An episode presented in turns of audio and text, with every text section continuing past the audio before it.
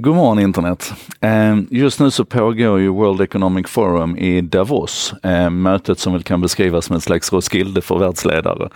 Ehm, och jag tycker det är viktigt med de här mötena. Jag tycker också det är viktigt med alla sorters input i de mötena. Som igår till exempel när Greta igen var där och eh, vår fantastiska Greta Thunberg som jag känner en sån oerhörd respekt för. Jag tycker att hon verkligen är grym alltså. Hennes, hennes retorik, hennes engagemang, hennes passion. Hon gör verkligen skillnad. Hon sätter fokus på, på vår en av vår tids absolut viktigaste frågor, om kanske inte den viktigaste frågan, klimatförändringarna, och hur vi ska hantera det här. Men ur mitt perspektiv så trampar Greta lite grann fel ibland. Hon sa så här till exempel att we're not telling you to rely on technologies that don't even exist today at scale and that science says perhaps never will.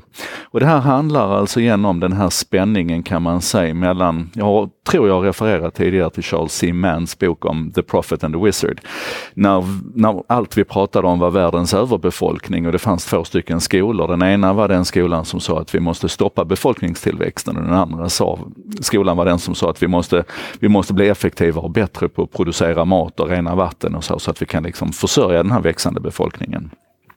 Och det var då vi bland annat fick den här, eh, den här gröna revolutionen där vi, där vi lyckades förändra sättet hur vi brukade marken till exempel. Och, och där vi nu fortfarande ser en, en massiv utveckling runt genmanipulerade grödor och så vidare som, som jag då supportar och tycker är en bra idé. Men vi lägger det åt sidan och så pratar vi klimat. Och då är det ju så här att jag tycker att Greta överskattar möjligheten att bromsa tillräckligt. Alltså världen ser helt enkelt inte ut så. Vi har fortfarande ett, ett Asien och ett Sub-Sahara som, som står i en, i en brant utvecklingskurva idag.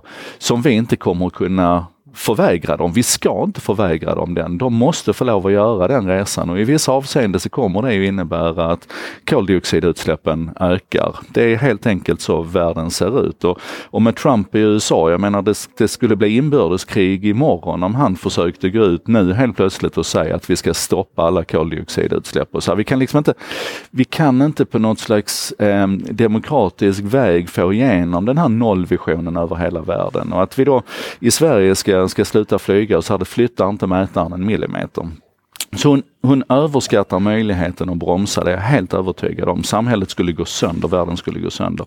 Och sen det viktigaste här då, ur det här perspektivet är att hon underskattar möjligheten att science the shit out of it. Jag är fortfarande övertygad om att det här kommer att funka. Jag tror att när man hänvisar till vetenskapen här så har man ett problem med att väldigt mycket av den forskning som bedrivs, den släpar ju efter lite grann. Va? Den bygger på hur förutsättningarna ser ut i ett givet ögonblick. Och om vi då tittar på vad som händer här nu, så pratar väldigt många stora företag och, och mycket av ekonomin idag centreras runt att vi inte bara ska skapa sustainability utan att vi dessutom ska göra en regeneration. Alltså vi ska, vi ska ta tillbaka, vi ska landa i ett läge där, där, vi, där vi hämtar hem den här koldioxiden igen och där vi liksom skruvar tillbaka klockan. Och det finns ett antal tecken på det här tycker jag. Det kom till exempel nu en stor rapport ifrån Potsdaminstitutet för klimatforskning där Rockström bland annat är, är, aktiv. Där man har gått ut till internationella experter och frågat vad är liksom det kortsiktigt, vad är det snabbaste, bästa sättet att försöka hantera detta? Och då, då då pekar man där på klimatneutral energiproduktion och att, liksom, att, att försöka flytta de finansiella investeringarna från företag i fossila industrier och istället liksom lyfta in det i växthusgasneutrala eller till och med negativa industrier. Alltså att vi, att vi hittar hittar de företag som kan science the shit out of it och häller pengarna på dem, att det är det bästa vi kan göra. Och det kan vi se då hur Microsoft nu till exempel har gått ut och, och lovat att leverera en miljard dollar i att vara CO2-negativa till 2030 och till 2050 se till att, att historiskt ha plockat bort all, all, all CO2 som man har släppt ut sedan företagets begynnelse ska man liksom ha plockat tillbaka. Man, man pratar om att hitta ett nollläge igen. 2050 ska man vara klar med det. Man häller in en miljard dollar i det här. Samma sak gör AstraZeneca.